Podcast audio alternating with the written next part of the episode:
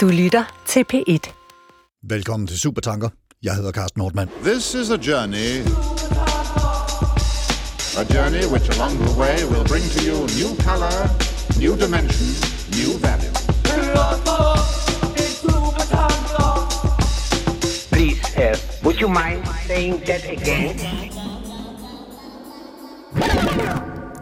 Er det et medicinsk præparat, eller er det en kalkpille, der kurerer mig? Er det et symptom på noget alvorligt, eller har jeg bare ondt i maven? Ludwig Wittgenstein, østrisk filosof, som levede fra 1889 til 1951, og virkede primært i England, skrev i sin posthumt udgivende filosofiske undersøgelser fra 1953 i paragraf 286 sådan her, jeg citerer. Er det kroppen, der føler smerte? Hvordan bestemmer man det? Hvordan bliver det klart, at det ikke er kroppen? Altså, noget i denne her stil. Hvis nogen har ondt i hånden, så siger hånden ikke til, medmindre den skriver det, og man trøster ikke hånden, men den, der lider. Man kigger vedkommende i øjnene. Citat slut. Så altså, hvor sidder lidelsen, og hvor finder kuren for lidelsen sted? Er det i kroppen? Er det i sindet? Er det i begge? Altså igen, Wittgenstein, er det kroppen, der føler smerte? Hvis nogen har ondt i hånden, så siger hånden ikke til, og man trøster ikke hånden, men den, der lider. Man kigger vedkommende i øjnene. Det kommer vi til at uddybe i det følgende, men allerførst vil jeg byde velkommen til Lene Vase Toft, professor i neurovidenskabelig psykologi ved Aarhus Universitet. Velkommen til dig. Mange tak. Lige allerførst din relation til uh, Wittgenstein. Kan du ikke lige sige noget kort om den? Jo, altså jeg er uddannet psykolog, så noget af det, jeg havde omkring i studiet med Wittgenstein, det var i forhold til sproget. Og øh, i og med, at jeg har beskæftiget mig med placebo sidenhen, så har jeg jo også beskæftiget mig med, hvordan mere sjæl og læme det hænger sammen. Og i den sammenhæng har han jo også været på banen, blandt andet i forbindelse med det citat, der bliver bragt her. Ja. Øh, jeg har forsket meget i smerte, og man kan jo sige, at det, som Wittgenstein beskriver i det her citat, er jo noget af det, den mere sådan psykologiske og neurobiologiske smerteforskning efterfølgende har vist meget præcist, faktisk. Hmm. Og det her citat, hvis du skal gå lidt mere ind i det, bare ganske kort til en, en start, vi kommer til at folde det mere ud, men hvad, hvad siger det der sådan umiddelbart? Jamen, jeg tænker, at den helt traditionelle opfattelse har været, at øh, hvis man oplevede smerte, så var det fordi, der var en vævsbeskadelse. Og vi ved sådan helt øh, biomekanisk næsten, at i det øjeblik, der sker en vævsbeskadelse, så kan vi aktivere nogle bestemte neuroner ude i periferien, det hedder nociceptorer, og det kan give anledning til en smerteoplevelse. Hmm. Men allerede fra omkring 50'erne blev det jo også klart, at det var ikke altid, det gjorde det. Og at det netop meget afhang af, hvordan man psykologisk opfattet den her øh, impuls og den her stimuli. Så smerter er et af de områder, hvor vi ved rigtig meget om, hvordan det psykologiske og det neurobiologiske det spiller sammen. Og, og, og du har så forsket rigtig meget i det her, øh, som vi skal tale om, placebo og placeboeffekt. Vil du ikke lige øh, fortælle, hvordan, hvordan du kom i gang med det? Altså, hvad var det ligesom, der tændte din interesse for, for det her felt? Jo, jamen sådan helt oprindeligt, da jeg skulle vælge studie, så var jeg sådan lidt i tvivl, om jeg skulle læse medicin, eller psykologi, eller filosofi, øh, og endte med at vælge psykologi, fordi jeg tænkte, så endte jeg nok med at være et sted sådan inde i midten, hvor jeg stadigvæk havde øh, kontakt ud til noget filosofisk, og ned til noget mere biomedicinsk. Og øh, undervejs i mit studie øh, var jeg interesseret i at prøve at forene nogle af de her perspektiver, og fik mulighed for selv at skrive en opgave, og tænkte, så vil jeg gerne skrive om placebo, fordi så tænker jeg, at det var en måde at forstå, hvordan det mere filosofiske og psykologiske og neurobiologiske hang sammen. Mm. Og da jeg så begyndte at fordybe mig i det, fandt jeg ud af, at det vidste man faktisk ikke ret meget om. Og så har jeg jo beskæftiget mig med det lige siden faktisk, fordi der bliver ved med at være nye spændende perspektiver i det og ny viden. Og, og der er ligesom nogle særlige genstandsfelter, eller, eller jeg skal sige felter, som du forsker i placebo indenfor. Er det ikke rigtigt? Altså nogle særlige sygdomme måske. Kan du prøve at sætte øh, bare lige kort nogle ord på det? Jo, man kan sige, at det jeg meget sidder og forsker i, det er placeboeffekter i forhold til særlige smertetilstande, kroniske smertetilstande, og særligt i forhold til neurodegenerative lidelser, som for eksempel Parkinson eller Alzheimer's sygdom, eller søvnproblemer, eller andet inden for centralnervesystemet. Og det vi meget ser på her, det er, hvordan placeboeffekter, dels hvordan de virker sådan rent mere øh, neuromekanistisk, hvad er det for nogle elementer, der bidrager psykologisk og neurobiologisk, men også i forhold til, hvordan bidrager de til farmakologisk og ikke-farmakologisk behandling, når man tester effekten af nye behandlinger, og med et særligt fokus på også, hvordan man kan bruge den her viden til at optimere behandling i klinisk praksis. Og, og hvis du skal sætte sådan øh, nogle af dine, hvad skal man sige, fagtermer eller ord på, hvad placebo overhovedet er, hvordan, hvordan vil du så beskrive øh, ja, begrebet placebo? Jamen, i sin sådan helt rene form vil man sige, at placebo det er en inaktiv middel. Det kan være en kalktablet eller en saltvandsindsprøjtning. Og hvis man giver det i en, under en kontekst, hvor personen tror, at nu får de en rigtig behandling, at nu får de en pille her, som i virkeligheden bare er en kalktablet, men i den tro, at det vil kunne lindre deres kroniske smerte eller deres Parkinson-symptomer, jamen så er der nogle patienter, der vil opleve, at det rent faktisk lindrer deres symptomer. Og i sådan, sådan helt rene form, når man har kontrolleret for, hvordan vil det ellers være gået øh, patienten i den her givende situation, så er det udtryk for en placeboeffekt. Og, og, og, og hvad er det så, øh, og det, og det håber jeg, at du som psykolog måske har et bud på, hvad er det så, der har effekt? Altså hvad er det, der hvis det bare er saltvand eller kalk, så, så gør det jo ikke noget, hvad skal man sige, biomekanisk, eller hvad det hedder. Men, men, men, men der sker noget. Hvad, hvad er det, øh, har, har du et bud på, hvad det er, der sker? Ja, man kan sige, det kan sagtens lave nogle reelle ændringer i kroppen, som vi kan måle via blodprøver og hjerneskanningsstudier og andre, men det er ikke selve det, der er inde i pillen, der giver effekten. Det er alt det, der er udenom. Det er konteksten, det er relationen til behandleren, det er ens forventninger, det er de ritualer, der bliver udført, det er den øh, mulige beroelse af ens følelsesmæssige tilstand, der opstår som følge af den her behandlingssituation. Og det, at man indgår i en relation og et ritual, som man typisk vil have indgået i flere gange tidligere, måske med oplevelsen af, at det har kunne hjælpe ens symptomer. Og, og, og noget af det, som vi øh, altså kender fra, fra tidligere tiders lægevirksomhed, altså øh, flere hundrede år tilbage, øh, eller jeg ved ikke, på det lav, øh, altså, det er sådan noget som overladninger og iler og varme koppe, øh, øh, altså du ved, alt sådan noget, som man, man øh, som, som jeg umiddelbart tænker, mm, hvor stor en effekt har det? Er, er det, er det noget, øh, altså sådan den historiske del, du også har beskæftiget dig med? Altså, jeg er ikke så meget beskæftiget mig direkte med den historiske del, men man plejer at sige sådan lidt med et glimt i øjet, at øh, medicinens historie er placeboens historie, fordi vi ved, at vi op mange århundreder har behandlet med folk, øh, som i dag vi tænker, at øh, det var godt, det ikke gjort dem skade, og hvis det har haft nogen positiv virkning, skyldes det højst sandsynligt placeboeffekten. Sådan noget som overladning. Vi ved i dag, hvis folk er syge, er det generelt ikke en god idé at tage en masse blod ud af kroppen fra dem. Nej, det virker Al- lidt kontraproduktivt. Ja, alligevel så har det haft en effekt, og det har jo sandsynligvis været, fordi man har været i en kontekst af, at man har troet på, både behandleren og patienten og det omgivende samfund, at det er det her, der skal til, for at man kan hjælpe folk med at blive raske. Og selve det at opsøge en behandler, have en relation til ham eller hende, tro på, at det her det hjælper, det at gennemgå de her specifikke ritualer, det i sig selv ser ud til at kan have en effekt. Samtidig med, at op gennem historien, så ved vi jo også, at kroppen har en, hvad man kan kalde måske en selvhelbredende effekt, men en tendens til at opretholde homeostasis, så mange lidelser vil jo også forbedre sig over tid naturligt. Så det kan være de to ting blandet sammen, der har gjort, at mange af de her behandlinger har virket til at have haft en effekt. Men, men der er jo også noget, som, øh, og det kommer vi også lidt mere ind på i det følgende, altså decideret operative indgreb, som, som, øh, hvor, hvor man tænker, det er måske i virkeligheden mere ritualet med at blive kørt ind på en operationsstue, få narkose, eller hvad man nu... Øh, og der er nogen, der tager omsorg. Øh, hvor, hvor, hvor stor en rolle spiller de der ja, rituelle og omsorgsmæssige faktorer i, i øh, sådan noget som placeboeffekten? Jamen det er jo noget, vi er ved at blive meget, meget klogere på i de her år. Vi ved, at ritualer og omsorg er meget centralt for placeboeffekter. Noget af det, vi bliver klogere på i de her år, det er, hvor stor en del betyder de egentlig af den faktiske behandlingseffekt. I, på amerikansk og engelsk taler man jo om the operating theater, og det er jo klart, i den vestlige verden, der er operationer, vi ved jo, hvis man får sådan relativt små placeboeffekter, hvis man benytter kalktabletter, lidt større placeboeffekter, hvis man benytter saltvandsindsprøjtninger. Og i den vestlige verden ser det ud til, at operationer er et af de områder, hvor man inducerer langt de største placeboeffekter. Vi har ikke tradition for at teste bidrag af placeboeffekter til operation. Sandsynligvis fordi, at vi øh, er så overbevist om, vi kan se, at folk har det dårligt, vi laver en operation, og efterfølgende kan vi se, at de har det godt, og så tænker vi, at det må være den her operation, der har været inde og gøre det. Men nu har man sådan lige så stille taget hul på det her område med at placebo-kontrollere operationer. Man startede med knæoperationer for omkring 20 år siden. Øh, man har lavet skulderoperationer, man har også lavet placebo-kontrol af stentoperationer. Og det vi kan se der, det er, at der er et meget stort bidrag af placebo-faktorer forstået på den måde, at selve ritualet, selve relationen, selve forventningerne ser ud til at bære en stor del af den her effekt, og for nogle af de her interventioners vedkommende, så er det den her øh, non-specifikke del, der bærer effekten frem for det specifikke, altså hvad er det præcis, man er inde og lave øh, anderledes under selve operationen. Men og, og jeg, jeg forestiller mig, at du har, har, har foretaget nogle forsøg, eller, eller på en eller anden måde lavet noget empiri, eller noget, som, som øh, understøtter nogle af de ting, du siger her. Kan du prøve at, at, at give nogle eksempler på, hvad det er, du har set i øh, forsøgt at, at påvise eller modvise, og så øh, og, og, og hvad der er hvad du har set?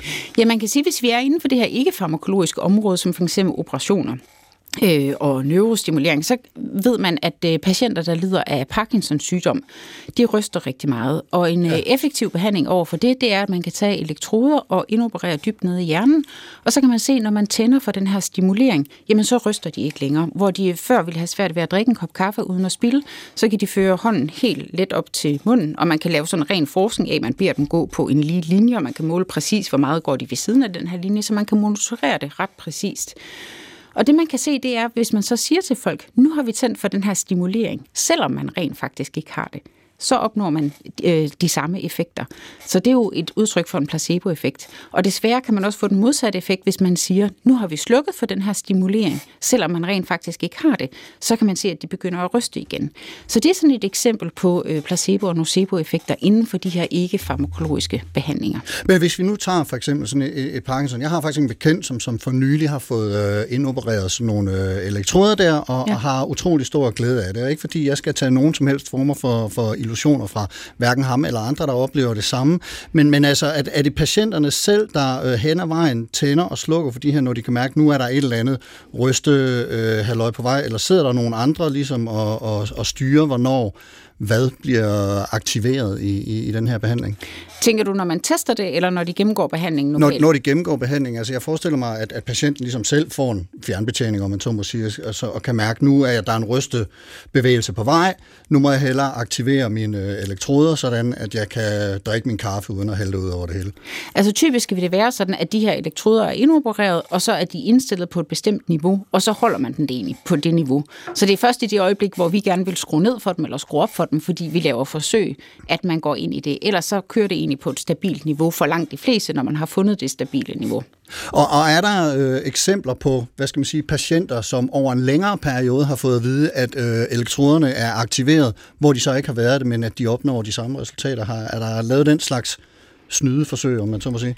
Ikke jeg kender til, hvor man har gjort det over lange perioder, men det, der har været lavet over lange perioder med Parkinson-patienter, er, at for en del år siden, der skulle man lave en øh, teste, en ny et nyt operativt indgreb i forhold til Parkinson-patienter.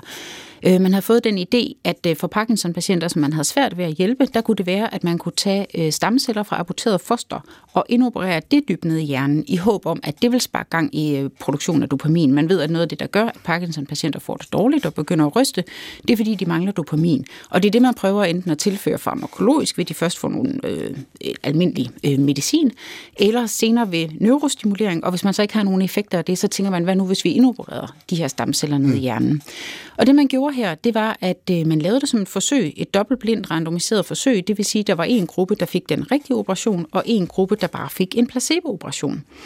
Og det, der så var helt særligt ved det her forsøg, det var, at man umiddelbart efter operationen spurgte dem, hvilket indgreb tror du, du har fået foretaget?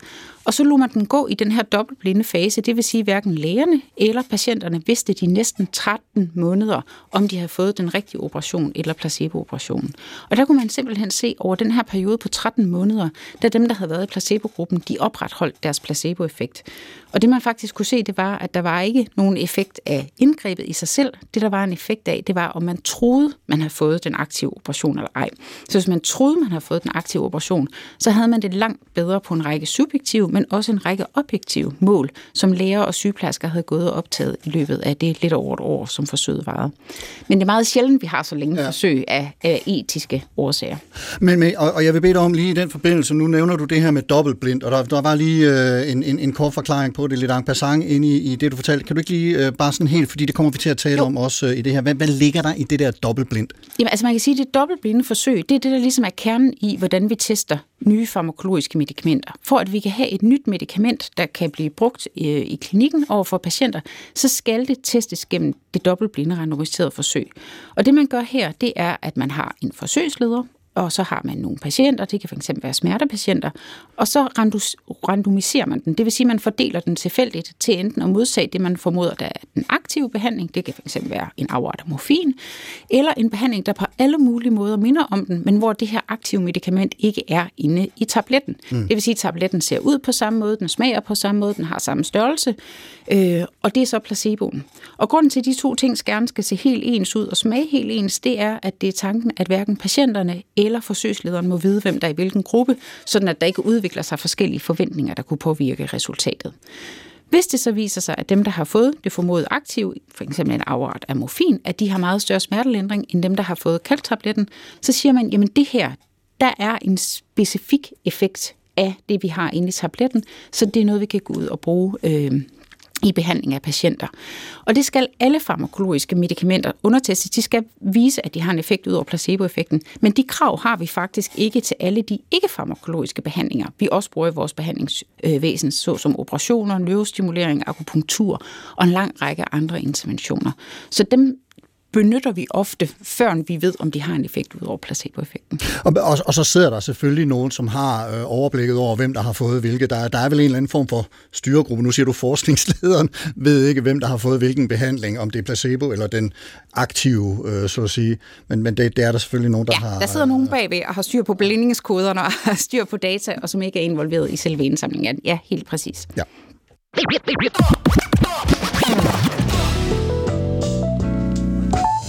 I venteværelset i min fars lægepraksis hang en Storm-P-tegning med følgende ordveksling. De skal bare tage den her lille pille, og hvis den ikke virker, så kom tilbage efter en anden. Kan jeg så ikke lige så godt få den anden med det samme? Hvad virker, og hvad indvirker det på? double blind, and they all use placebo. Be ready for instant action. Prepared for anything and everything. Plakeo, plakes, plaket. Plakemus, plaketis, plakent. Sådan lyder præsens indikativ bøjningen af det latinske plakere, at behage. Futurum indikativformen hedder placebo, eller som vi omtaler det i daglig tale, placebo. Jeg behager ude i fremtiden. Og det man vel skal bemærke i den forbindelse må være, at behage er noget andet end behandle, eller endda helbrede. For placeboeffekten er, som det vil være mange bekendt, det fænomen, at man bliver helbredt af at tro, man får et præparat, en medicin, der virker. Tro flytter bjerge og kurerer sygdom, eller forstærker sygdom.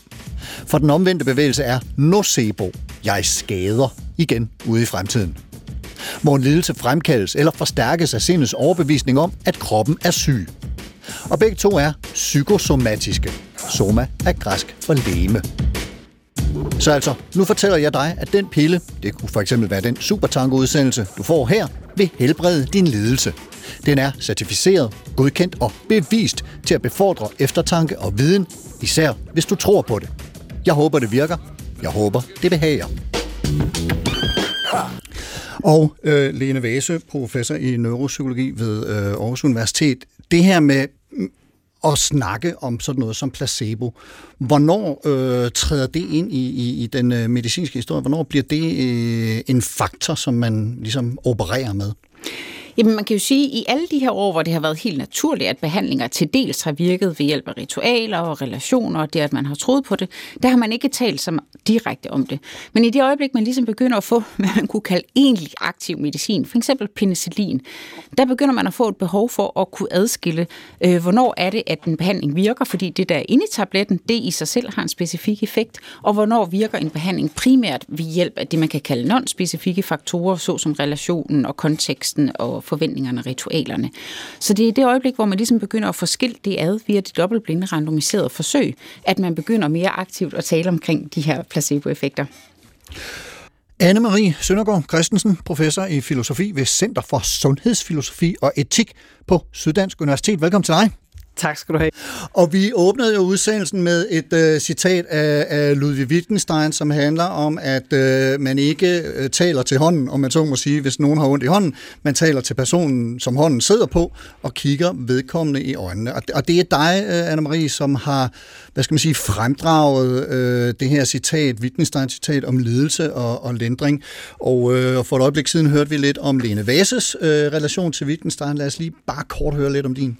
Jamen, Wittgenstein er, jeg, øh, Wittgenstein er min go-to-guy i filosofi. Øh, han blev, vi blev venner under sådan en af de der rejser, man tager, mens man studerer, og så skrev jeg, endte jeg med at skrive PhD om ham.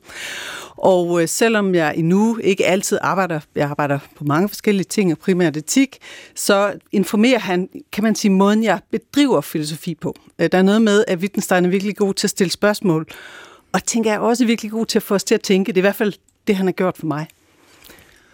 Og, og, og, og, og, og der er den her filosofiske undersøgelse, som øh, citatet stammer fra. Kan, kan man sige lidt om, hvad, hvad det er for øh, hvad skal man sige, et, et klima eller en tankesæt, han skriver sig ind i øh, med det? Den er udgivet efter han, øh, efter han døde, men, men han har jo skrevet den på et tidspunkt, og ligesom skrevet sig enten ind i eller op mod noget. Hvad, hvad, hvad siger verden omkring Wittgenstein på det tidspunkt, hvor han skriver det her?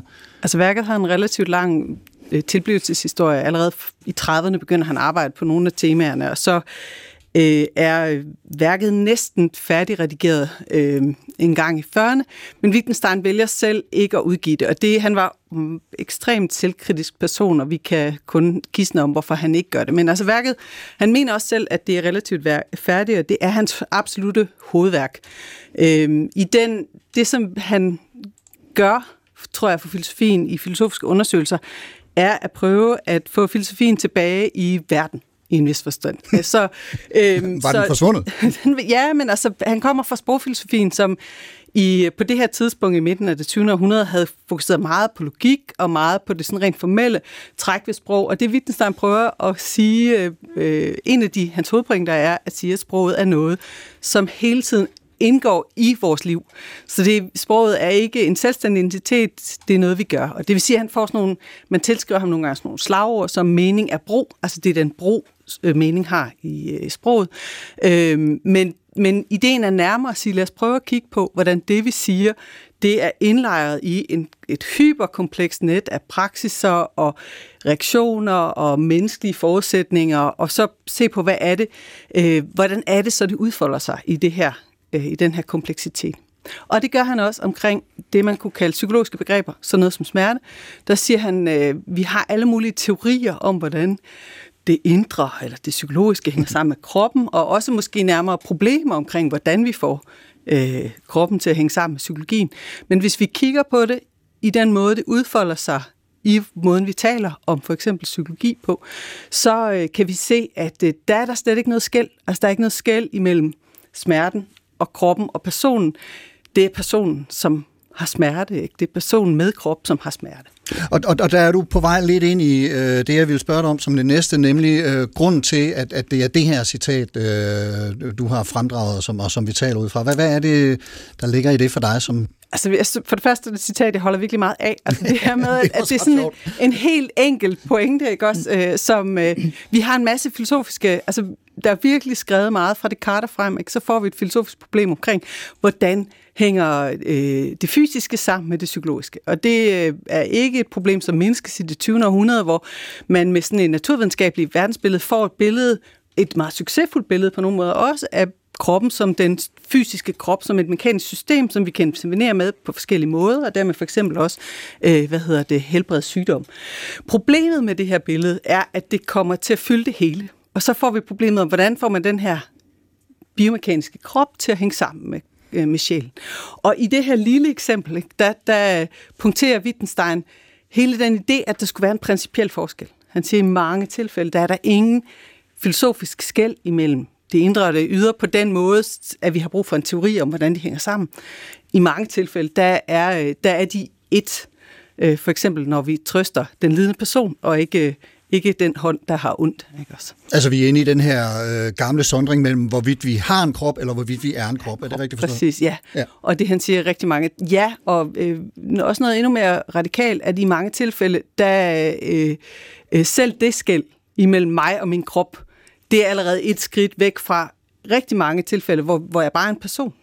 Altså, og en person ikke bare er noget psykologisk eller noget kropsligt, men er en person, som har begge, begge aspekter.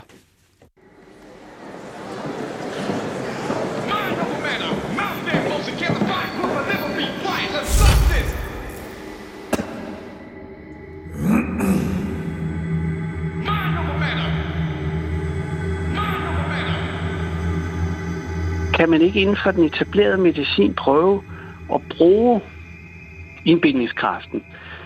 Det er der ikke rigtig nogen, der synes er en god idé. Fordi de har synes, de har svært ved at styre det. Altså man vil jo gerne kunne give 2 ml medicin, eller kunne fjerne en halv liter blod, eller sådan noget. Men hvordan giver man indbindningskraft til folk? Hvordan giver man 2 ml øh, indbindningskraft? Og så man bliver en lille smule angst for indbildningskraften. og man vil egentlig gerne have den ud af medicinen. Det hører ikke med til moderne medicin. Velkommen til Lars Ole Andersen, Ph.D., udviklingskonsulent i Social- og Sundhedsforvaltningen i Brøndby Kommune og mangeårig forsker og underviser i sundheds- og sygdomshistorie på Københavns Universitet. Sokrates har nogle enkelte steder sagt, at, at øh, måske en lille smule sarkastisk, at, at ens øh, øh, tanker kan, kan i den grad påvirke kroppen. Men det handlede mere om selve kropsopfattelsen, hvor man havde en idé om, at man har knogler som det hårdeste, og så har man muskler, så har man væsker, så har man lægemsvæsker, og der havde man øh, de fire lægemsvæsker, sort sortgalle, blod og slim.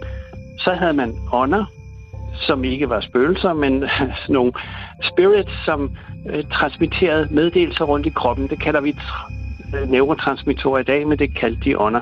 Så har man en sjæl, og øhm, øh, mennesket har en rationel sjæl, dyr og planter kan en anden type sjæl. Og menneskets sjæl består af tre dele, ifølge den antikke forståelse og op gennem middelalderen. Hukommelsen, indbildningskraften og fornuften. Faktisk holder den opfattelse helt op til den franske encyklopædi, udgivet fra 1751 til 1772. Og det centrale her er indbildningskraften, som blandt andet kunne bevirke, at synet af en pestsyg kunne give pest, eller at en gravid kvinde, der så en tigger, der manglede en hånd, risikerede at føde et barn, der også manglede en hånd. Man vil sige, at de havde egentlig en, sådan en psykosomatisk forståelse af kroppen, at de kunne bevæge sig fra sindet til de hårde knogler, og fra de hårde knogler op igen til sindet. Øhm, det sagde de ikke selv i dag. De havde bare en sygdomsopfattelse. Ordet psykosomatik bliver først opfundet 1818, fordi der begynder man at skelne mellem somatik og psykosomatik. Men for dem var det simpelthen bare sygdomsopfattelsen. Kroppen var en helhed. Og øh, det lyder for os i dag sådan, det der lyder da meget sympatisk. Problemet var, at den sygdomsopfattelse, den duede ikke rigtigt til de sygdomme, man havde. Altså, man skulle afbalancere de fire lemsvæsker, og man kunne tabe en halv liter blod, og man kunne måske få øh, mere slim ud af kroppen, man kunne give lavamang og få den sorte galle ud og sådan noget, men det var ikke særlig effektivt imod pest eller kolera eller mange af de andre sygdomme, man havde dengang.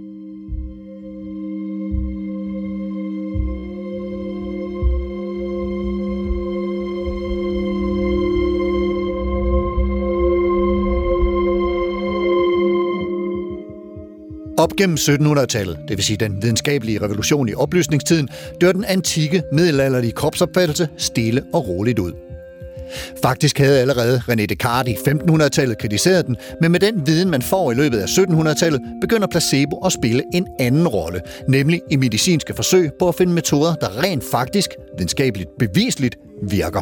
Nogle vil sige, at, at naturvidenskaben begynder at adskille sig, løsrive sig fra filosofien, øh, og ikke tænke metafysisk, filosofisk, men ligesom det er eksperimentet, der er det vigtige. Og det er der, vi skal udvikle vores moderne videnskab fra. Ikke? Og det er jo det, fysikken og kemien gør.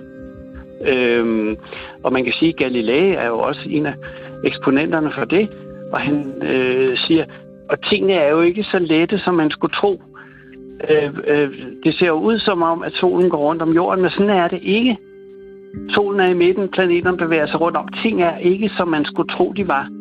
Man er nødt til at slå og banke på tingene og lave eksperimenter for at finde ud af, hvad der er rigtigt og hvad der er forkert.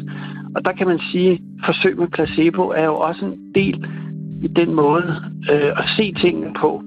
Og man har man måske sagt, du får en medicin, og så bliver du rask. Ergo har medicinen gjort dig rask. Og så vil man sige, nej, du kan godt være blevet rask af alle mulige andre grunde. Så hvis vi skal gå bag om tingene og, og komme videre til, til, ind bag det, der er til syneladende, så må vi lave nogle eksperimenter, ligesom Galilei tog kikkerten og kiggede på månen, og så kunne han se skyggerne, og så kunne han sige noget om, hvad der bevægede sig rundt om mad. På samme måde kan man bruge placebo til at se, er det så indbindningskraft, eller hvad er det? Placebo blev jo først rigtig meget anvendt efter 2. verdenskrig, men, men det forekommer i, i, i, i forsøg, og det skal man ikke glemme. Det har en historie tilbage til 1700-tallet. Der sker det, at brugen af placebo i forsøg bliver meget mere udbredt. Og ordet placeboeffekt bliver opfundet, og man finder også ud af, at placeboeffekt er jo ikke bare, når man bruger placebo. Man kan også have en placeboeffekt i forbindelse med, med, med antibiotika eller i forbindelse med smertestillende medicin. Altså, det er jo ikke kun, når man får en kalktablet, at der kan være en placeboeffekt. Den, den, den forsvinder jo ikke, fordi du tager en medicin, der virker. Det er det, man finder ud af fra 1950'erne og frem. Det er en fejl af navnet. Tak til Lars Ola Andersen, forsker og underviser i sundheds- og sygdomshistorie på Københavns Universitet og kommunal udviklingskonsulent i Social- og Sundhedsforvaltning i Brøndby. Det er, som man kunne høre, en samtale med ham og øh, med udgangspunkt i hans bog Før placeboeffekten indbildningskraftens virkning i 1800-tallets medicin, der ligger til grund for det, vi lige hørte. Og nu vi er i det øh, historiske her, øh, øh, Lene Vase, der er nogle, måske nogle andre skikkelser, som, som det kunne være relevant lige at pege på i, i den her historiske. Der er blandt andet en, jeg har hæftet mig ved i noget af min research, en fyr, der hedder Mesmer, Øh, nogle kender muligvis det engelske udtryk at blive mesmerized, øh, som er jo sådan lidt fortryllet eller ja, forblindet, jeg ved ikke. Øh, hvem, hvad, hvad, hvad var Mesmer og, og hans øh, betydning ind i det her? Jamen, det var jo noget af det, der viste nogle af de her sådan øh, indbildningskraften, eller sådan forløber for det, vi måske i dag kunne kalde hypnose, at øh, vi har nogle af de her effekter, og man ligesom noget af det, Lars Ole også taler om, altså man får ligesom et behov for at adskille nogle af de her mere specifikke effekter ved en behandling fra en mere non-specifik effekt af behandlingen. Og som Lars Ole han er inde og snakker om, så er det jo sådan omkring 2. verdenskrig, man rigtig begynder, og så den ligesom går i dybden omkring det. Og der var blandt andet en meget indflydelsesrig anestesiolog, der hed Henry Beecher, der på det tidspunkt blev meget interesseret i det her med placebo, fordi han havde været ude øh, i 2. verdenskrig, og øh, en anestesiolog, siger du? Vi ja. Lige for, for, ja. ja, og han havde oplevet det her med, at øh, smertestillende medicin, det virkede forskelligt afhængig af, hvordan man gav det. Der var forskel på, om man gav det ude i battlefield, eller man gav det, når man var, var tryg tilbage hjemme på hospitalet. Og det, han havde opdaget, det var, at nogle gange, når de egentlig var løbet tør for noget af det her smertestillende medicin, hvis de så bare gav dem noget andet, så kunne det have den samme effekt. Så han blev meget interesseret i, hvad sker der egentlig, når vi laver de her dobbeltblinde randomiserede forsøg, som vi var inde og tale om lidt før. Hvordan går det med dem, der bare i gåseøjne har fået placebo. Mm. Så han lavede sådan en af de første meta-analyser over det, øh, hvor han undersøgte på altså på det tidspunkt, det var selvfølgelig sådan lidt rudimentært, vil vi sige i dag, men han begyndte at se på tværs af de her forskellige dobbeltblinde randomiserede forsøg, og kunne se, at de folk, øh, der havde fået placebo, de klarede sig egentlig vældig godt. Når han kiggede på det, så var der en tredjedel af alle patienter, der fik det bedre bare på de her placebomidler. Så han var ude og publicere en meta-analyse, som han kaldte The Powerful Placebo, hvor han argumenterede for, at hvis der var en tredjedel af alle patienter, der fik det bedre på grund af de her placebo-tabletter, skulle vi så ikke overveje at bruge de her effekter noget mere i behandlingen. Og det man kan sige, at han ikke havde så meget fokus på på det tidspunkt, det var, at mange patienter får det jo naturligt bedre over tid, og det havde han ikke kontrolleret for. Mm. Men det er stadigvæk blevet sådan et tal, man, man kan faktisk stadigvæk som så se i medicinske lærebøger i dag, at en tredjedel af alle patienter får det bedre på placebo. Det, det er ikke rigtigt, men øh, man begynder at have den her opmærksomhed omkring, at nogen får det bedre øh, på placebo. Men, men, men det er jo, øh, som Lars Ole Andersen også siger, øh, utrolig svært at kontrollere. Altså det her med at give 2 ml af et eller andet præparat over for at give 2 ml indbildningskraft, som man formulerede det i starten af, af, af den her samtale. Altså hvordan, hvordan pokker kan man forvisse sig om, at nu giver jeg dig en kalktablet, selvom du egentlig skulle have haft et eller andet stærkt smertestillende, og så er, er jeg faktisk ret sikker på, at det virker. Jamen det kan man heller ikke vide, om det virker. det, det er netop det. Det er ikke sådan en stabil størrelse, at så ved man, at hvis man giver det her... Altså man kan jo sige, at penicillin er en af de typer af behandling, vi har. Det virker for de fleste under de fleste betingelser. Men vi har jo rigtig mange andre behandlinger. Hvis man, altså man taler jo lidt om det, der hedder numbers needed to treat. Vi har jo rigtig mange behandler, behandlinger, som ikke virker for alle patienter til alle tider. Ja. Øh, og det er også sådan, det er med placebo at vi ved endda, at hvor det øh, en placebobehandling kan virke for den samme patient i en kontekst, virker det ikke nødvendigvis for nøjagtigt den samme patient i en anden kontekst. Så det siger noget om, at konteksten er betydningsfuld, relationen til den behandler, man står overfor, og selve den behandling eller det ritual, der bliver udført, har noget at sige for, hvor stor en behandlingseffekt man har. Det har man, når man laver placebo, men det har man faktisk også ved en lang række andre behandlinger. Hmm. Og så er der lige et andet begreb, som vi har været omkring et par gange også øh, indtil videre, som, som vi har bedt om bare lige kort at sætte nogle ord på, nemlig nocebo, som er det modsatte af placebo. Vil du ikke prøve at øh, lige bare kort beskrive, hvad jo, det man kan sige sin helt rene form, der er det det modsatte af placebo, forstået på den måde, at man får øh, et inaktivt middel, en kalktablet eller en sandvandsindsprøjtning, og man får det i den tro, at det her det vil for eksempel kunne være, forværre ens smertetilstand, eller det vil kunne forværre ens rysten ved Parkinson-lidelse. Det har tit været øh, vanskeligt, naturligt nok, af videnskabsetiske årsager for lov at undersøge de her fænomener i deres rene form. Så den måde, man er begyndt at undersøge det på, er tit øh, i forbindelse med information omkring bivirkninger. For når vi laver nogle af de her dobbeltblinde randomiserede forsøg, så skal vi naturligvis informere folk om, hvilke bivirkninger de kan risikere at få, hvis de får det aktive middel. Og der kan vi simpelthen se, at øh, selvom vi jo ikke vil forvente, at folk får bivirkninger i placebogruppen, fordi de bare har fået kalktabletter eller saltvandsindsprøjtninger, så der er rigtig mange, der rapporterer bivirkninger her, og de rapporterer det hyppigt, og der er faktisk omkring 5 procent øh, i nogle studier, nogle studier der er helt op på 10-15 procent, der dropper ud på grund af bivirkninger i placebogruppen. Så det er sådan en måde, hvor man ligesom ser på, at den her negative forventning om, at der er nu noget, der kommer til at gøre det, får det værre, at den for nogen bevirker, at de får det værre, eller i hvert fald rapporterer, at de har det værre.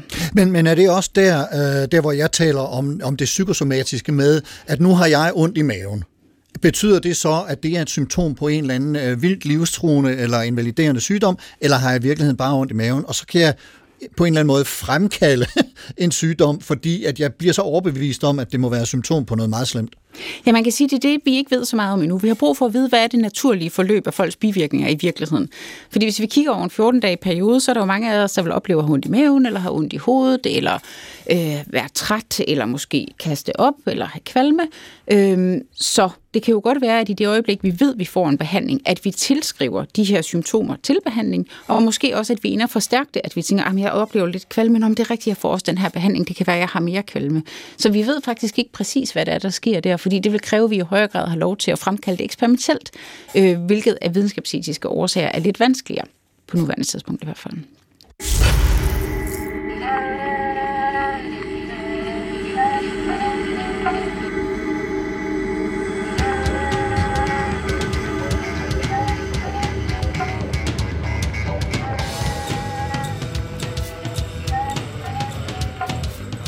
Manden, der synger på den gamle optagelse, hedder Kesselit, og han tilhørte Kwakiutl-stammen, som hørte til i nærheden af Vancouver i det vestlige Kanada.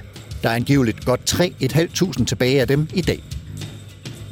I 1893 optog den legendariske tysk-amerikanske antropolog Franz Boas Kesselit, der sang en helende sang. Kesselit var shaman, medicinmand, og som ung mand udviste han en vis skepsis over for de ældre medicinmænd, en magtfuld og på mange måder skræmmende gruppe stammefælder. Men Kesselit vandt deres tillid, nok til at de en dag tog ham med ud i skoven for at lære ham håndværket og sangene. Og en af metoderne, som han lærte sent i forløbet, da tillidsforholdet for alvor var kommet i stand, var en metode, som siges at have været anvendt af shamaner over hele verden. Man finder en håndfuld fjer, dun og gemmer dem i munden, i kinden. Og når man så udfører det helende ritual, lad os sige, at patienten med stærke smerter i brystet ligger på jorden, så sætter shamanen munden til patientens bryst og suger. Virkelig suger. Og mens han gør det, bider han sig selv i kinden, så det begynder at bløde, og duen det bliver i bogstaveligste forstand gennemblødt. Og på et afgørende tidspunkt, hvor ritualet er pisket tilstrækkeligt op, kaster shamanen sit hoved tilbage og hoster de blodige, slimede fjer ud af munden. Han har suget lidelsen, sygdommen, ud af patienten. Og efterhånden, som Kesselit udførte det ritual flere gange, måtte han konstatere, at det virkede. Patienterne kom sig, de blev raske.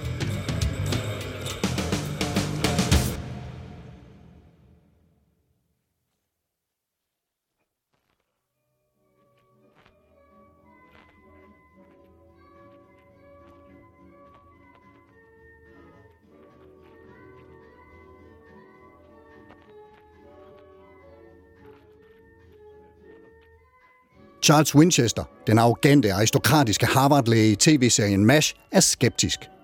Felthospitalet har et antal sårede patienter, som det ikke kan smertebehandle med morfin, fordi deres sidste beholdning til synligheden er dårlig, og dels forværrer de sårede smerter, dels risikerer at tage livet af dem.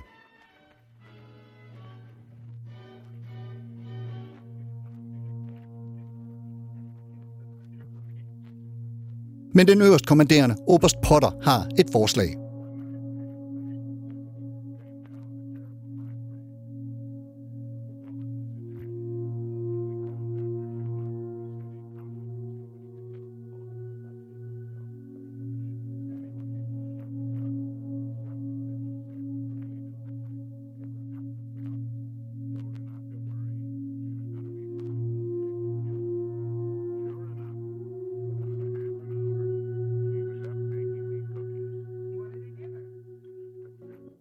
De giver patienterne sukkerpiller og fortæller dem, at det er et meget potent smertestillende præparat.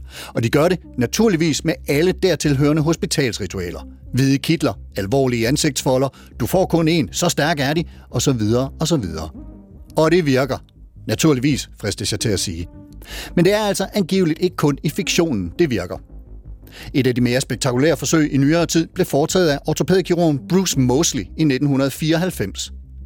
Mosley havde 10 patienter, som skulle opereres for knælidelser. 10 militærveteraner, som ikke følte sig klar til et liv som siddende.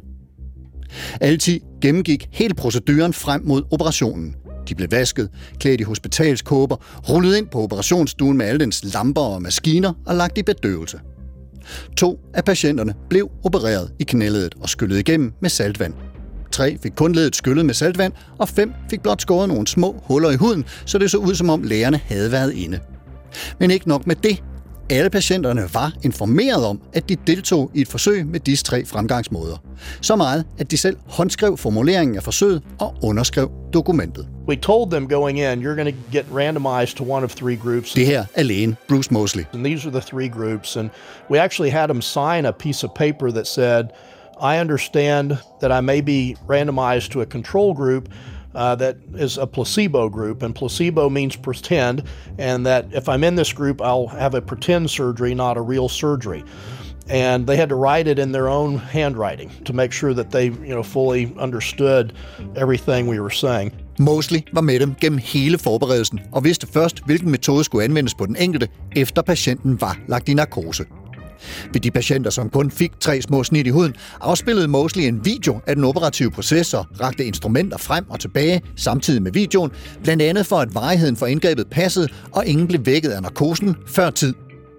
Og resultatet? Alle tre grupper rejste sig og gik med fuldt funktionsdygtige knæ. Mosley igen. We shouldn't be doing arthroscopic surgery to treat arthritic knees. And the reason is because, number one, it's invasive. When you do go to sleep, and there is risk. And although the complication rate is very low, it's not zero.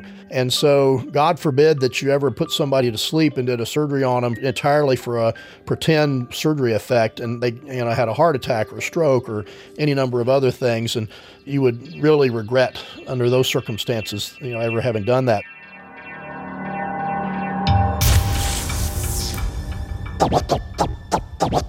Would you mind saying that again? Tag en pille eller et pulver, så går det hurtigt over.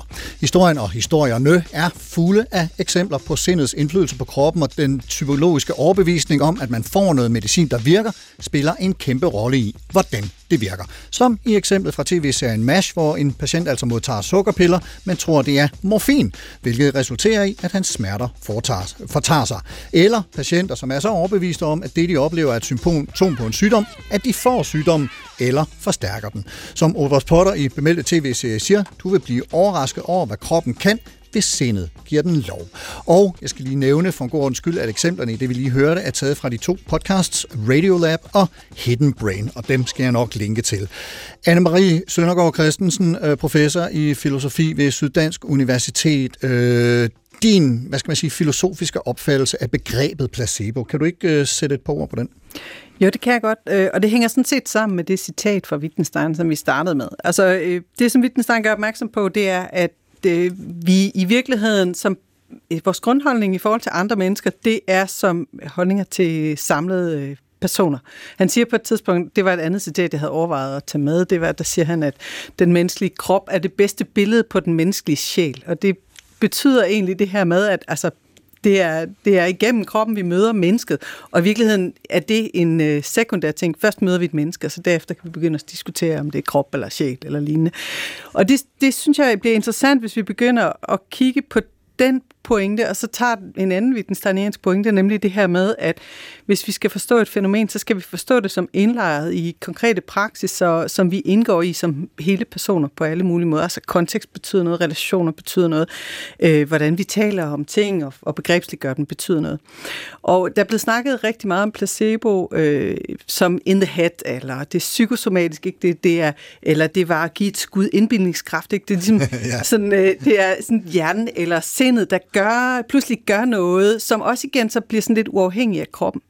Og øh, der er en, en øh, delvis Wittgensteiniansk tradition, som prøver at argumentere for, øh, det kommer øh, fra en læge, men det er blevet øh, samlet op af øh, folk med Wittgensteiniansk baggrund, som arbejder inden for sundhedsfilosofi, og sige, måske skulle vi prøve at se placebo i en helt anden kontekst, nemlig som noget, der primært har med mening at gøre. Meninger. Mening. Ja. Altså, så, så hvad er Betydning. det? Betydning. Ja. Så det, øh, øh, hvad hedder det, øh, det blev først sagt, så blev det sagt, at jamen, en af de, øh, vi har lidt svært ved at vide, hvornår noget virker, og hvornår noget ikke virker. Og noget af det, der synes at have en betydning, og det, der er sådan en indikator på, det er, at det skal have mening for patienten. Altså, hvis patienten ved, at piller er rigtig potente på det her område, så er placeboeffekten større. Øh, eller hvis man øh, faktisk føler sig meget, hvis man føler, at behandleren sådan bruger meget tid på en, og man selv bagefter rapporterer, at jo, jeg følte virkelig, at de lyttede alvorligt, og jeg blev taget, øh, hørt på, hvad mit problem var, så, øh, så, så er placeboeffekten også større. Så måske skulle vi i stedet for se det som en reaktion på, at man kommer ind i en meningsfuld kontekst. Altså en, hvor man, det problem, man har, ligesom bliver mødt på en meningsfuld måde. Mm. Øh, og så begynder vi, men så rykker vi også fra, altså vi har snakket rigtig meget om placebo i ACT-studier, eller i studier, hvor man forsøger at undersøge meget specifikke isolerede effekter. Øh, og, og, øh, og der giver det måske god mening at snakke om placebo som en sådan særlig ting. Men hvis man også gerne vil tage den effekt med over i behandling, så bliver det problematisk, og det kommer vi nok til at snakke om lige om lidt, at snakke om placebo, for så får vi noget med snyd, og hvordan gør vi det? Men hvis vi i stedet for begrebsligt gør det anderledes, og siger, måske handler det om, hvordan vi i højere grad kan møde lidende mennesker, som vi startede med i Wittgenstein-citatet, på en måde, så de meningsfuldt føler, at deres, de bliver, der bliver responderet på deres lidelse. Måske er det i sig selv en form for behandling, kunne man sige. Og, og, og jeg står og tænker på, når, når Anne-Marie fortæller det, hun gør, øh, Lene, det her med, at det er gennem kroppen, vi møder sjælen. Og, og min første indskydelse er, at jeg kan vide, hvad en psykolog vil sige til det. Hvad, hvad, hvad, hvad tænker du om sådan et udsagn? Altså jeg tænker, at det her det er en rigtig god måde at tænke om det ja. på. Og jeg tænker, at lige præcis, at det kommer uden om nogle af alle de sådan lidt kunstige fejlgrupper i virkeligheden, der let bliver omkring placebo, at man, det virker kun, hvis man snyder. Altså det er jo faktisk det, vi har fundet ud af, at det ikke gør. Altså blandt andet Ted Kapchuk, der sidder på Harvard, har jo netop lavet nogle studier, hvor han har givet placebo open label, altså sagt til folk, det her, det er bare sukkertabletter, der er ikke noget i dem, men det er vigtigt, at du tager den morgen og aften de næste tre uger. Og det man kan se, det er, at det virker faktisk i forhold til ingenting at gøre. Og så siger folk, jamen hvorfor gør det det? Fordi folk ved jo godt, der ikke er noget i. Så det er jo netop ikke den der indbildning eller forventning. Og han siger jo selv, han tror jo, det er den her sådan kropsliggjorte, embodied fornemmelse af at gennemgå det her ritual, som er meningsfuldt for en, som gør, at kroppen responderer på nogle af de måder, den vil gøre ved almindelig behandling. Så jeg tænker, at det her med at begynde at forstå placebo, hvordan man kan bruge det i klinisk praksis, det er lige præcis vigtigt, at man forstår, at det knytter sig til mening, og det er vigtigt, at man har patienternes forståelse af situationen til at arbejde i samme retning som den mere fysiologiske behandling, man giver dem, fordi så får man simpelthen en langt bedre behandlingseffekt. Og så har du øh, et par gange øh, øh, indtil videre nævnt, at der, der var nogle videnskabsetiske problemer i forhold til at udføre forskellige forsøg osv. Så jeg tænker, at vi lige skal snakke lidt om den der øh, øh, etiske dimension, som handler om, at man rent faktisk snyder folk og siger, nu giver jeg dig et eller andet mega potent øh, præparat, og så giver man dem noget, som er øh, ja, sukker eller kalk. Når, når du nævner videnskabsetiske øh, problematikker i forhold til hvilke forsøg, hvad, hvad tænker du så på der? Hvad er nogle af de hvad skal man sige, vigtigste øh, faldgrupper, som man skal være opmærksom på? Altså jeg tænker, det er rent i forhold til, når man laver noget, der minder mere med RCT eller mekaniske studier. Jeg tænker ikke, det behøver at være nogle faldgrupper i forhold til, hvordan man... RCT? Øh, randomiseret dobbeltblinde forsøg. der behøver ikke at være nogen faldgrupper i forhold til, hvordan man bruger det i klinisk praksis, fordi man netop der tapper ind i mening og i konteksten.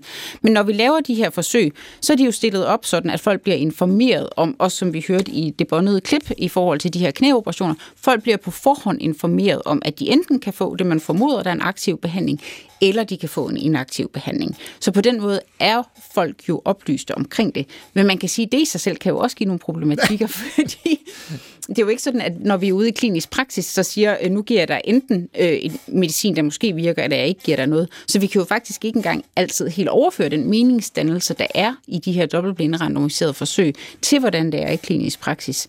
Men det er jo det her, at vi selvfølgelig hele tiden skal omkring, at folk skal være fuldt informeret om, hvad vi gør ved dem, både inden og skal debriefes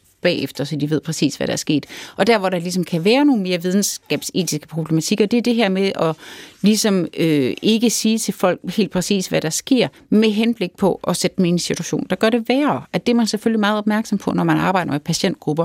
For eksempel folk, der er stærkt belastet af deres Parkinsons sygdom, og, og slukke for deres behandling for at se, hvor lang tid går der, inden de får det skidt, og hvorfor skidt Og hvornår begynder de det. at bilde sig ind, at øh, de Ja. stadigvæk øh, er i behandling? Anne-Marie, du, du er jo øh, professor ved noget, der hedder Center for Sundhedsfilosofi og Etik, så du har øh, formentlig nogle, nogle overvejelser omkring de her etiske aspekter. Hvad, hvad øh, tænker du om dem? Jamen, så med alt ved placebo, så er det ikke ukompliceret, tænker jeg. Altså klassisk set, så har man jo været, øh, der har man været meget skeptisk etisk set over for placebo. Ikke? Så længe at, at placebo forsøg særligt øh, var øh, indeholdt en eller anden form for, at man spærholdt noget viden over for patienterne, ikke? så de ikke vidste om de, så så er det jo en form for bedrag, og der, vi har en, øh, en stærk kantiansk tradition, tror jeg, i, i sundhedsvæsenet generelt, hvor vi siger, at vi må ikke snyde patienter på den her måde. Ikke? Det, det øh, ville øh, Immanuel Kant, som er sådan den store filosofiske forfart til den her tradition, sige, men det er indskrevet... Man må ikke lyve. Man må ikke lyve, Nej. ikke også? Øh, og man må særligt ikke lyve om alvorlige ting, som folks øh, helbred og, øh, hvad hedder det, og øh, mulig øh, recovery. Men det er også en tradition, som er indskrevet, altså øh, som nutidige, øh, hvad hedder det, sundhedsetikere har arbejdet med, og som er indskrevet, tror jeg, også i de fleste retningslinjer. At for eksempel, at man ikke må bruge placebo, hvis der er et aktivt stof eller sådan noget. Der er sådan en, der er sådan en vis, så det er en tradition, der går igennem. Men der hører vi jo Øh. faktisk Mosley sige, at mange af de der knæoperationer, han har været med til at lave i tidens løb, er fuldstændig unødvendige, invasive, narkose, alt muligt. Det er faktisk federe. Det er faktisk. Ja. Ja. Og det, altså der sker, jeg tror, der, der er sket et kæmpe skift med, at man på et tidspunkt begyndte at finde ud af, at de her effekter også er ret stabile, selvom man fortæller det til patienterne. Og selv, altså, så det, det bliver, der bliver det jo etisk set meget mindre problematisk. Altså, det er meget mindre problematisk at sige til folk, det her er kalktabletter. Du får kalktabletter, du skal tage to om morgenen og to om aftenen. Øh, hvad hedder det? Øh, og så, så vil vi gerne måle på, hvordan det går. Øh, det er mindre, altså etisk problematisk, fordi man netop, øh, hvad hedder det, ikke forholder patienterne, øh, hvad hedder det, øh, sandheden. Og så er der så noget helt andet, som øh, en problemstilling, som jeg ikke har set, som ikke er blevet diskuteret så meget, men som jeg tror, vi begynder at skulle diskutere, når vi kan se, at placebo, eller det vi kalder placebo i den her kontekst, virker, er, så er der jo også en etisk betydning af, hvis vi, får, hvis vi ikke udnytter de effekter i sundhedsvæsenet. Ikke? Det er jo også øh, en problematik, jeg kan se. Ja. Ja, jeg tror, man skal skelne meget klart mellem placebo som et inaktivt middel, som kalktabletter eller saltvandsindsprøjninger, fordi det er der ingen, der vil synes, der er en god idé at give i klinisk praksis. At det, det, det er simpelthen ikke øh, tilladt. Det må man ikke. Øh, men så er der jo det her forhold, at når vi så laver en knæoperation, hvad er det egentlig, vi laver der? Hvis vi gør det i den tro, at vi tror, det er selve det operative indgreb, der har effekten, så tror vi jo sådan set ikke, at vi trækker på nogle af de her non-specifikke faktorer ved placeboeffekten, men det gør vi jo i virkeligheden. Så jeg, jeg tænker, det er rigtig vigtigt at skelne imellem det, fordi man kommer udenom alt det etiske ved at sige, jamen det at give nogle behandlinger, som er meningsfulde for patienterne, og tænke patienterne med ind i det, det, det, det er jo øh, nogle effekter, som der er meget store fordele i, vi får udnyttet, og som vi måske faktisk ikke får udnyttet i tilstrækkelig grad i vores sundhedsvæsen, fordi vi har fået meget fokus på det specifikke i sig selv. Og det er jo noget af det, placeboforskningen kan være med til at vise, at det er faktisk ikke altid det, der giver effekten. Og, og noget af det, Lars Ole Andersen sagde, det var jo netop, at det behøver ikke at være øh, en, en hvad skal man sige, fidusmedicin, mm. som skaber placeboeffekten. Placeboeffekten kan også komme af den rigtige medicin. Lige præcis. Anne-Marie?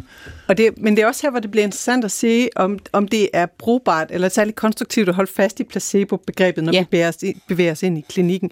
Fordi i virkeligheden, hvis man kigger på det bredere som øh, non-specifikke effekter, eller måske i virkeligheden som meningsskabelse for patienterne, så tror jeg, jeg der, der er kommet en relativt ny artikel, hvor de prøver at lave sådan nogle øh, cases, hvor de siger, i virkeligheden er det her noget, som i, i, en, i hvert fald i en vis tilfælde, som læger gør, praktiserende læger for eksempel, gør hele tiden. Ja. Altså det her med at sige, nu tager, bruger jeg lidt ekstra tid, jeg tror, ikke, jeg, jeg tror ikke, jeg har et særligt potent behandling, men nu lytter jeg grundigt til patienten.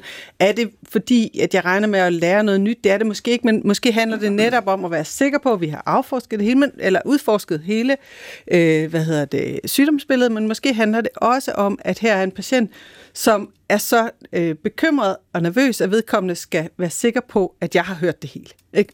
Og det er jo sådan, altså, øh, det tror jeg er noget, det ved jeg ikke, men det, det, det er en tænkt case, som de øh, inddrager, hvor de siger, man kan sagtens forestille sig, at praktiserende læger gør det hele tiden. Det er jo ikke fordi, at de mener, at det har en fysiologisk, at der er en specifik effekt, men de mener, at der er en non, helt klart, at der kan være en non-specifik effekt med, at patienten tænker, nu er jeg helt sikker på, at lægen forstår mit, øh, øh mit syndrom, og nu, og nu falder jeg simpelthen til ro, og så kan jeg gå i gang med øh, den proces, hvor jeg, he- eller det er jo ikke sådan, at patienten tænker, men nu heler jeg mig selv. Ikke? Ja. Og vi når desværre ikke mere i dag. Tiden er ved at være gået. Superoptankningen er øh, fuldendt så langt, som øh, vi nåede det. Tusind tak til Wittgenstein for at sparke os i den retning. Og tusind tak til dig, Anna-Marie Søndergaard Christensen, professor i filosofi ved Center for Sundhedsfilosofi og Etik ved Syddansk Universitet. Tak fordi du kommer og foldede løgn og latin i lægeverdenen sat på spidsen. Jeg ved det, ud for os øh, i dag. Tak det var for en det. fornøjelse. Tak. Og Lene Vase, øh, professor i nødvidenskabelig psykologi ved Aarhus Universitet. Også tusind tak til dig for at udfolde dine overvejelser i forbindelse med det her tak. spørgsmål. Og som altid, naturligvis, mange, mange tak til dig, kære lytter. Husk, at man kan høre og genhøre den her udsendelse i DR Lyd, app og webside, og man kan se anbefalinger fra Lena og Anne-Marie, musikplayliste og skrive ris, ros eller kommentarer på Facebook-siden Carsten Ortmann Radio, eller på e-mail supertanker jeg modtager samtidig henvendelser på min private Facebook-side, i det omfang noget som helst overhovedet er privat på Facebook, og jeg foretrækker, at den slags kontakt går via Supertanker-mailen eller radio-Facebook-siden. Så tak for det. Hvis du kan lide, hvad du hører, så del det med dine venner og familie, raske eller syge. Programmet i dag var tilrettelagt af Bettina Olsen og mig. Jeg hedder Carsten Nordmann. Programansvarlig er Madeline Thorup. Ha' en rigtig god uge og på genhør.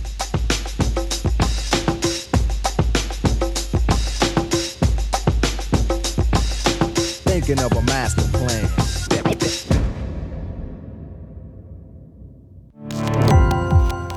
Gå på opdagelse i alle DR's podcast og radioprogrammer. I appen DR Lyd.